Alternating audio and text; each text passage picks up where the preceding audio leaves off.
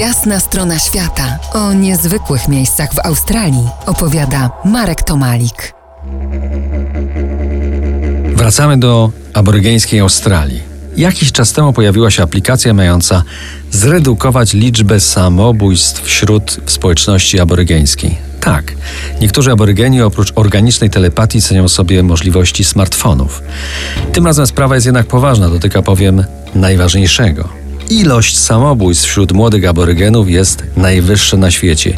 I to wszystko w Australii, która per saldo krajów świata jest pod koniec pierwszej setki, a dla porównania Polska na 15.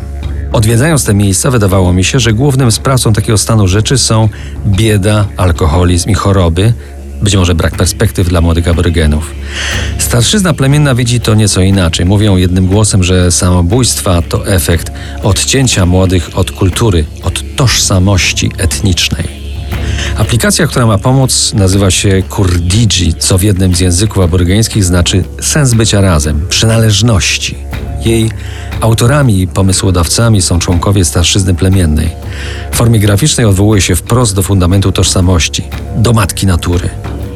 Więc nie są to przekazy nie zabijaj się, tylko zdjęcia i filmy drzew, zwierząt i innych ożywionych istot. Aplikacja odwołuje się też tekstowo do kodów kultury, języka i ceremonii, do przekazów po dobrej stronie mocy. Założenie ma trafiać do tych, którzy oddalili się od swoich korzeni. Twarzą aplikacji jest Jack Charles, dobrze znany na antypodach aborygeński aktor. Może za jakiś czas dowiemy się, ilu aborygenom telefon uratował życie? To była jasna strona świata w RMF Classic.